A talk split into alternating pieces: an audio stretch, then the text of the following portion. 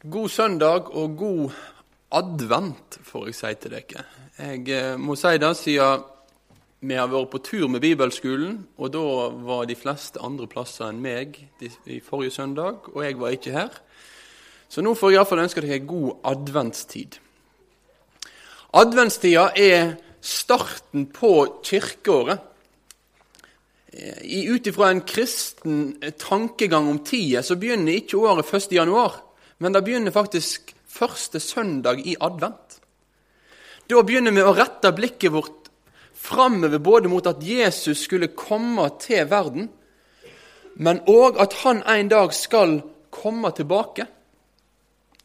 Jesu første komme og hans gjenkomst er de sentrale temaene som er vevd inn i bibeltekstene for denne måneden òg.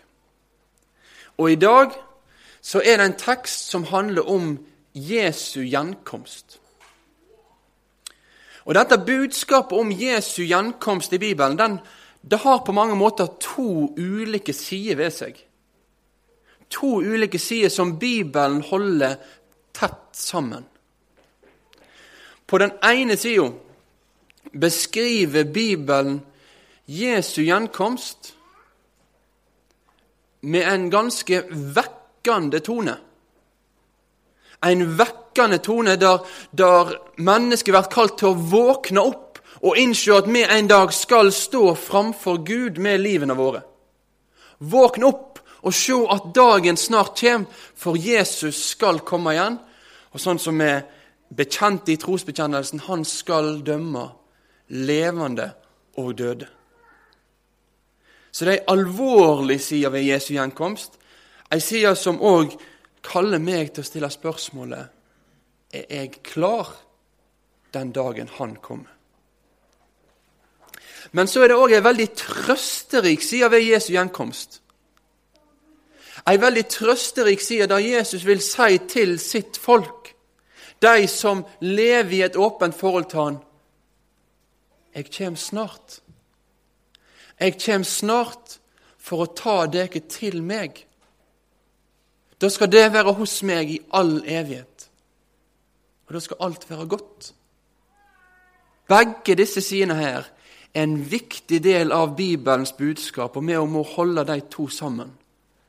Og dagens tekst har nok først og fremst denne andre tonen, denne mer trøstende tonen, der Gud vil gjennom sitt ord fortelle om hvordan Jesu gjenkomst er noe Guds folk kan se fram imot med glede. Før vi leser det som er dagens tekst, så skal vi be i lag. Gode Gud og Far. Vi vil takke deg for denne søndagen, da vi får komme sammen og høre hva du har sagt i ditt ord til oss. Og far, nå ber jeg deg for denne formiddagsstunden at det kan få være ei tid der du får løfte blikkene våre mot de himmelske realitetene. Vi ber om at du ved din ånd kan La de ordene som jeg nå skal lese og forkynne ut ifra, at det kan få være levende ord, Herre, som vi òg erfarer og opplever at er noe mer enn alt annet julevisvass som vi møter rundt omkring nå for tida. For la oss se at dette her, det er vårt håp. La oss se at dette her er sant, og la oss se at dette her er noe som angår oss. Far, jeg ber om at du ved din ånd må få virke i våre liv sånn som du ser at vi trenger. Gi oss ro til å høre, og ro til å ta til oss av dine ord nå i dag. I Jesu navn ber vi om det. Amen. De bibelversene som er søndagens tekst, står i Johannesevangeliet kapittel 14 og vers 1-4. Så dere kan godt slå opp der hvis dere har en bibel med dere. Johannes 14, 1-4.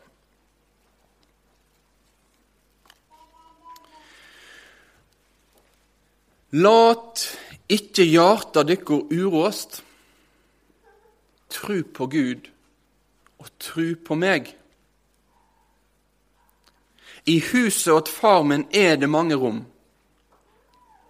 Var det ikke så, da hadde jeg sagt dykk det. For jeg går bort for å gjøre i stand en stad åt dykk.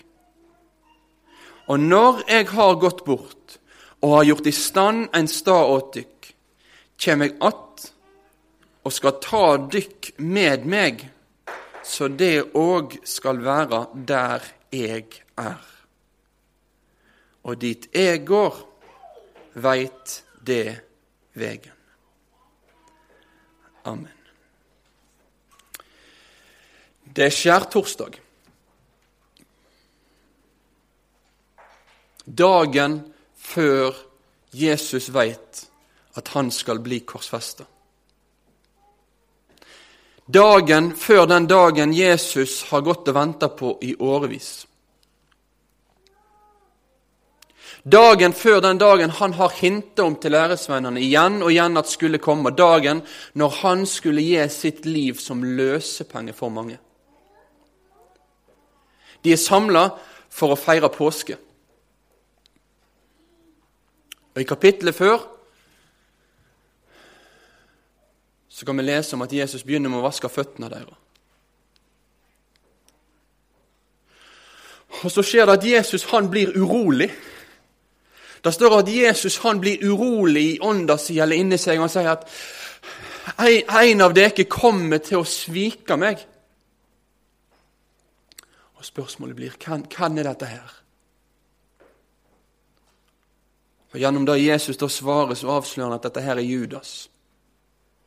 Judas, han går ut.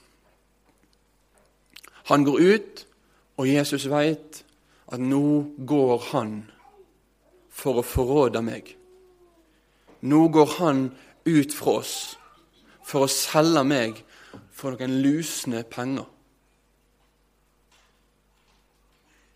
Jesus fortsetter med å fortelle til læresveinene at nå så kommer jeg til å gå bort fra dere. Og der som jeg går, kan ikke det bli med meg. Jeg kommer til å forlate dere. Og det kan ikke bli med nå. I tre år hadde Peter, Thomas, Johannes og de andre gått rundt med Jesus. Dag ut og dag inn. De hadde sett alt Jesus gjorde. De hadde opplevd alle hans under. De hadde fått ete disse fiskene og brødene som Jesus hadde brukt til å mette tusenvis av mennesker med. De hadde sett en død Lasarus komme ut ifra gravet. De hadde sett han komme gående mot seg på vannet. De hadde snakka med han. Og nå får de beskjeden. Jeg går bort fra dere. Og Peter Nei, han er ikke enig i dette. Jesus, du skal ingen plass. Jesus, jeg går med deg om det så er til døden. Jeg gir livet mitt for å forsvare deg, Jesus. Og så sier da Jesus til Peter. Peter, i løpet av denne natta her, før hanen gjel, så kommer du til å forråde meg tre ganger. Det kommer til å skje. Dette er bakgrunnen for de versene. Det er det som står rett i forkant av at Jesus nå sier La ikke hjertet deres uroast. Vi kan kanskje tenke oss hvordan det må ha vært å være en av apostlene som satt rundt dette påskemåltidsbordet. Først går Judas. Så hører de at Jesus sier at nå kommer jeg til å gå, og det får ikke bli med meg. Peter, som er den, den store høvdingen på mange måter, han sier 'jeg skal stille opp', men Jesus sier 'du kommer til å svike meg'. Det må være en gjeng fullt av fortvilelse og uro. Men Jesus, Han ser deres situasjon. Han veit om den uroen, den usikkerheten, de spørsmålene som nå læresveinene sitter med. Det må være et kaos inni hodet på Thomas og på Philip og på resten av dem. Hva skjer nå? Hvor skal han? Hva betyr dette? her? Hvorfor skal Peter forråde han? Hva skjedde med Judas? Hvorfor gikk han? Et kaos. Et kaos av vanvittige dimensjoner. Og så sier Jesus La ikke hjertet deres uroast. Tru på Gud og tru på meg. Tonen i denne teksten her er ikke en irettesettende tone. Det er ikke en 'nå må det slutte å være så urolige'. Skjerp dere og tru på meg. Hele sammenhengen her ser ut til å, å puste en omsorg. Puste en omsorg for læresveinene i den situasjonen som de er i. Og da Jesus vil puste inn til dem. Hør. Ikke vær urolig. Tro på Gud, og tro på meg, som er Hans sønn. Det neste døgnet i livet til læresveinene kom til å bli et fullstendig kaos. Det som lå framfor de neste dagene, kom til å bli veldig vanskelig. Det kom til å bli tøft. Det kom til å bli krevende. Det kom til å bli mange ting som de ikke forsto, som nå skjedde. Men Jesus vil i forkant av alt sammen si Vær ikke urolig. Jeg har kontroll. Ha tillit til at Gud har hånd om denne situasjonen som nå oppstår. Ha tillit til at Gud har hånd om det som det nå kommer til å gjennomleve. Ha tillit til at Han gjør dette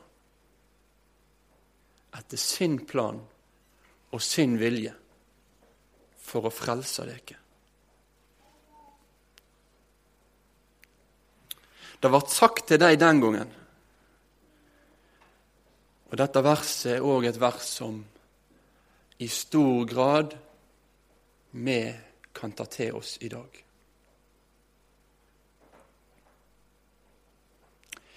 I møte med livets utfordringer. I møte med livets usikkerhet og spørsmål i møte med usikkerheten for hva kommer til å skje.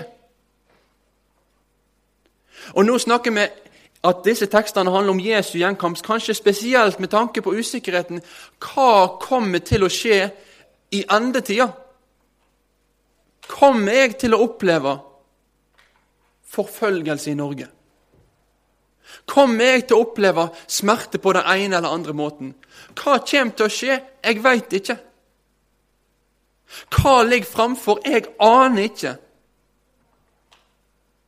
Og den usikkerheten for morgendagen, den kan gå som ei kvern inn i et menneske. Den kan gå som ei kvern som et oss mer og mer og mer og mer opp. Hva skjer?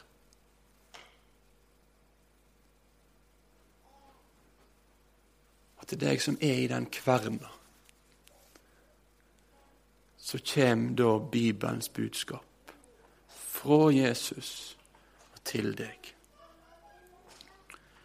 La ikke hjertet ditt være urolig. Tro på Gud ha tillit til at han har kontroll. Ha tillit til at han har allmakt i himmel og på jord.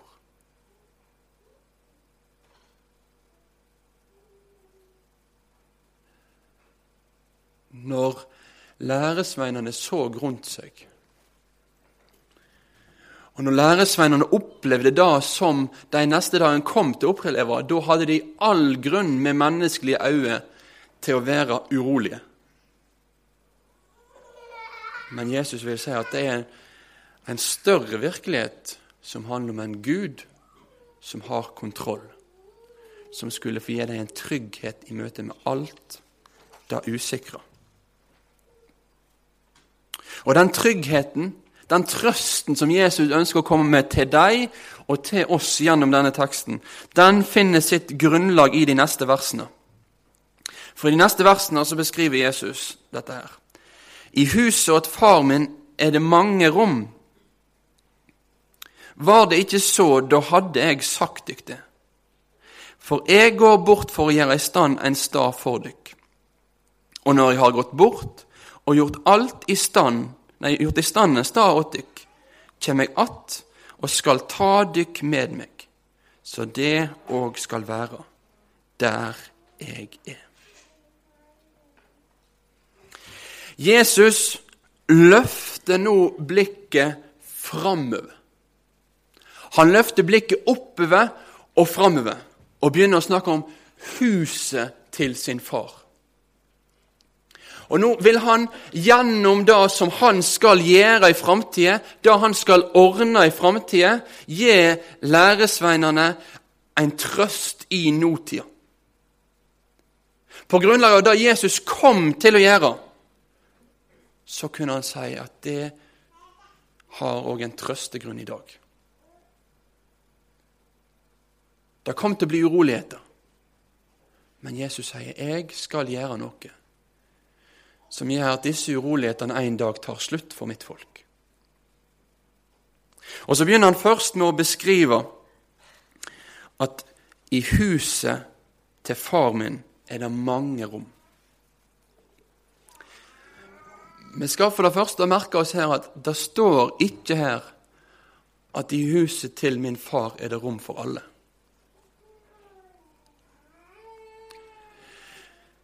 Med andre ord, Jesus sier ikke med dette verset her at alle mennesker automatisk har en borgerrett i himmelen. For Seinere i teksten så kommer vi til å komme tilbake til at Jesus er veldig tydelig på at det er trua på Han og da alene som frelser et menneske. Men det han vil si, det er at nå går jeg bort. Og nå går jeg til en plass, og dere skal få vite at det er ikke dårlig plass der jeg skal. Det er ikke sånn at ok, nå drar jeg til himmelen, og i himmelen så er det plass til Faderen og meg og kanskje et par-tre andre. Og når det har vært fullt der, ja, da er det fullt. Da, da er det ikke snakk om at noen flere kan bli frelst. Da er det ikke snakk om at noen flere kan komme inn her. Da hjelper det ingenting å komme med og si at ja, men hallo, jeg har en reservering på, i dette huset her. Og så får en beskjed at nei, her er det fullt. Nei, i huset til far er det mange rom. Det er plass hos far til enhver som tar sin tilflukt hos Jesus. Det er plass i himmelen for ethvert menneske som har Jesus som sin frelser. Det er ikke sånn at det bare er plass for noen. Det er ikke bare sånn at det er plass for de første, eller det er bare plass for de siste. Det er plass for alle som har Jesus som sin frelser. Og så sier Jesus noe rett etterpå som, som jeg syns er personlig noe av de mest fantastiske versene i Johannes evangeliet. Jeg vet ikke om de har lagt merke til det før, men hvis de ikke har gjort det, så håper jeg de kan gjøre det nå. Og det er at Jesus han sier, 'Var det ikke så?' Da hadde jeg sagt dere det. Hvis det ikke var på den måten her, så hadde jeg fortalt det til dere. Han sitter med læresveinene sine. De er usikre. Og så er dette hans måte å si til dem at det jeg har sagt til dere, er sant. Hadde det vært på en annen måte, hadde det vært noen andre inngangsbilletter enn trua på meg, som gjør en borger etter himmelen, da hadde jeg fortalt det. Da hadde jeg sagt det. Det kan være helt sikker på at jeg har fortalt deg sannheten om evigheten. At jeg har fortalt deg sannheten om veien inn til livet. Det kan være sikker på at det er sant. Hadde det vært på en annen måte, så, så hadde jeg sagt det. Og Grunnen til at jeg syns at dette verset her for min del er så utrolig fint, er at jeg kan kjempe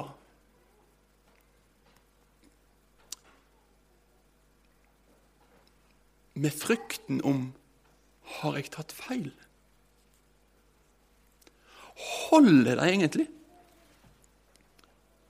Djevelen kan komme og pirke bort til meg og si, 'Ingvald, ja, du tror på Jesus, du sier du tilhører han, men, men holder det egentlig? Kan du egentlig være sikker på at den dagen hjertet ditt slutter å slå, at, at Jesus faktisk holder? Kan du egentlig vite det? Eller kan det være at det er noe mer du egentlig trenger for å komme til himmelen, enn troen på Han?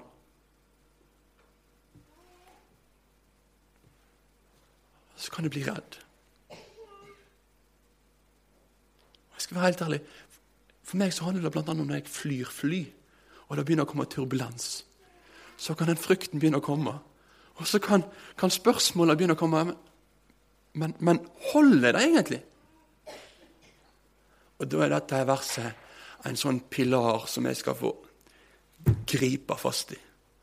Når djevelen kommer og frister meg og sier 'Har Gud virkelig sagt?' Så kan jeg si 'Ja, han har sagt'. Og hadde det vært på en annen måte, så hadde han sagt det òg. Han har sagt sannheten til meg, og sannheten står her. Sannheten står her om at den som har Sønnen, har livet. Sannheten står om at den som tror på Han, har evig liv. Sannheten står her om at dette er det evige livet, at de kjenner Han som du sendte, Jesus Kristus.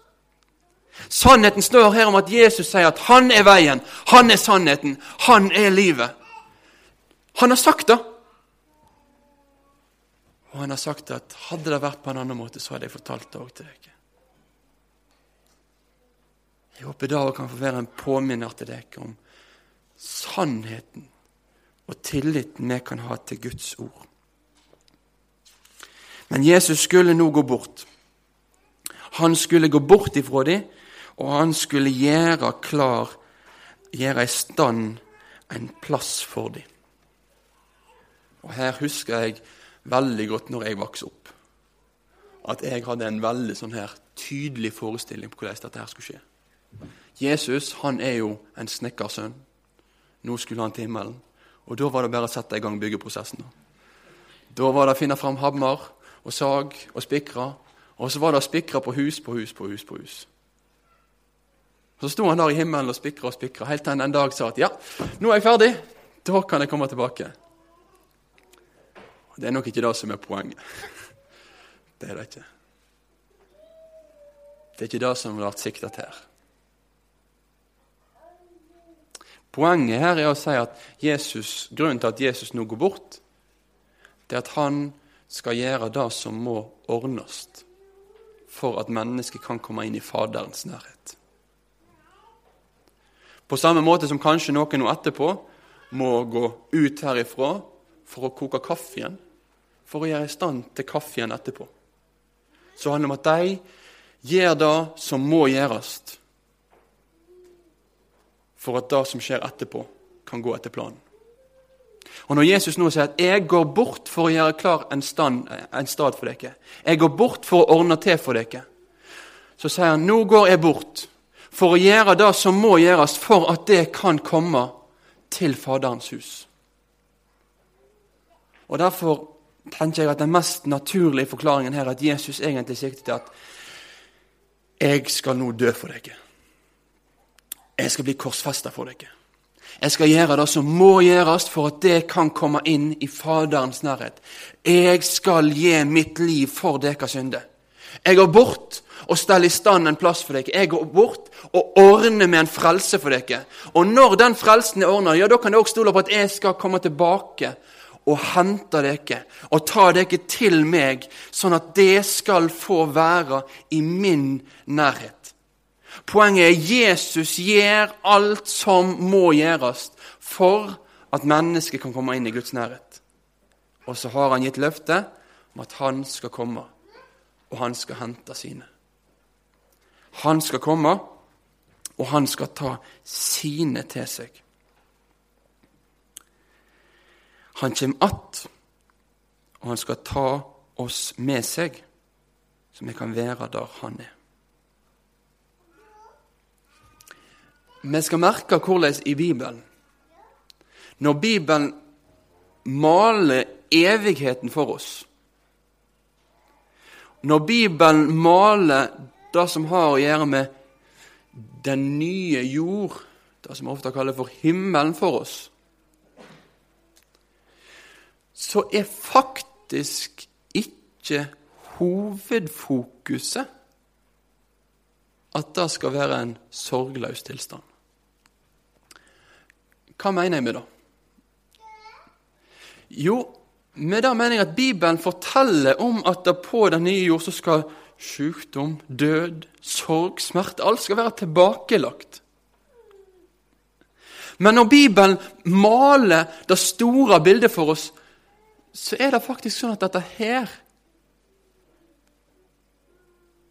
Det har vært egentlig en konsekvens av det som er den store sannheten. Og det er at jeg skal få være hos Gud. Jeg skal få være med Jesus.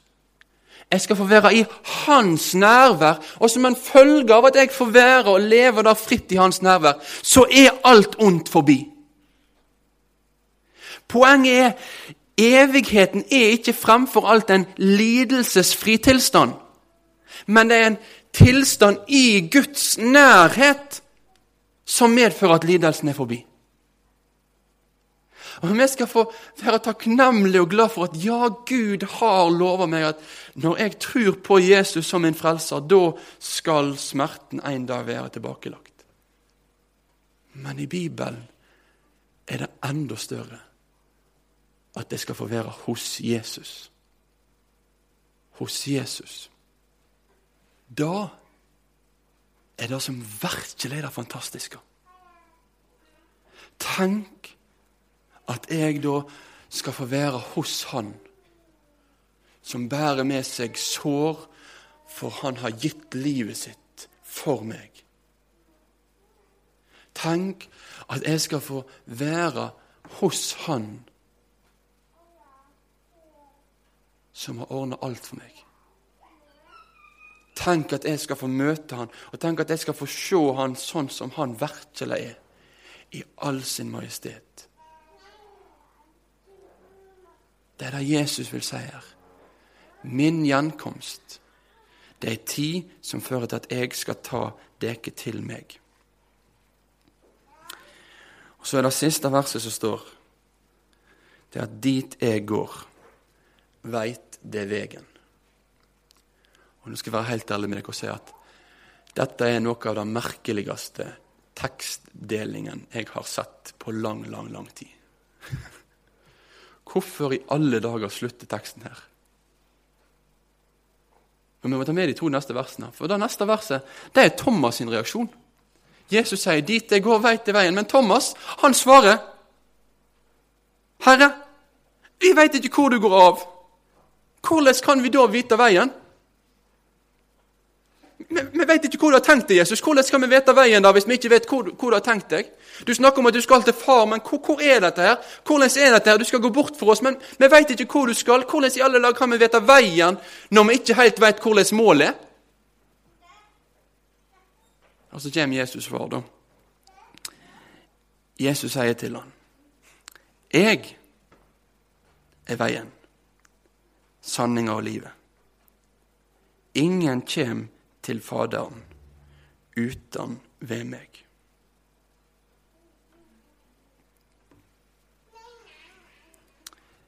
Her møter vi rasjonalisten Thomas. Thomas, han er glad i logikk, ser det ut til i Nytestamentet. Han må få ting til å gå opp. Han hører fra de andre læresvennene at ja, Jesus har stått opp, men Thomas sier nei, men jeg har ikke sett det, jeg har ikke følt på det, jeg har ikke tatt på mine egne never. Så jeg vet ikke helt om dette her stemmer. Og Her også ser det ut som det er noe som ikke helt går opp for han. Jesus, du sier vi vet veien. Men om vi ikke vet hvor du skal, hvordan kan vi da vite veien?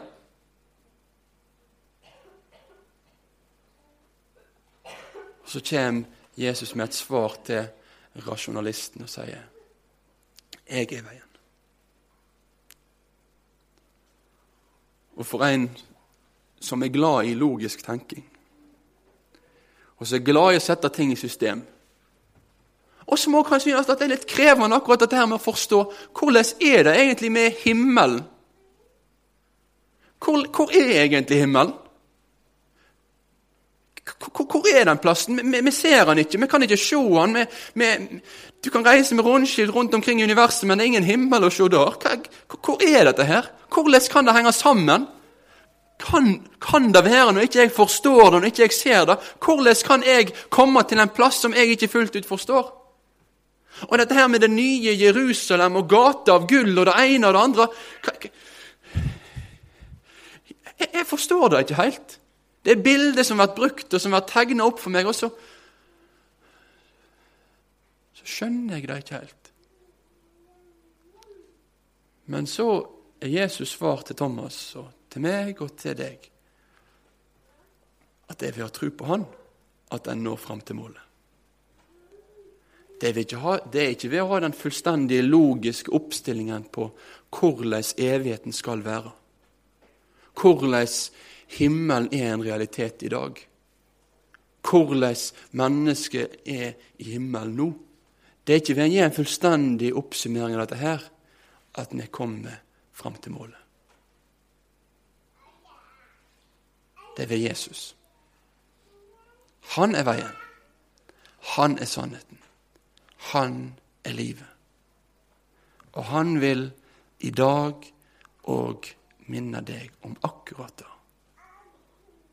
Han er frelser. Han kom for deg, og han skal en dag komme igjen for å hente sine. La det få bli en dag der vi blir med Han inn i Faderens hus. La oss be.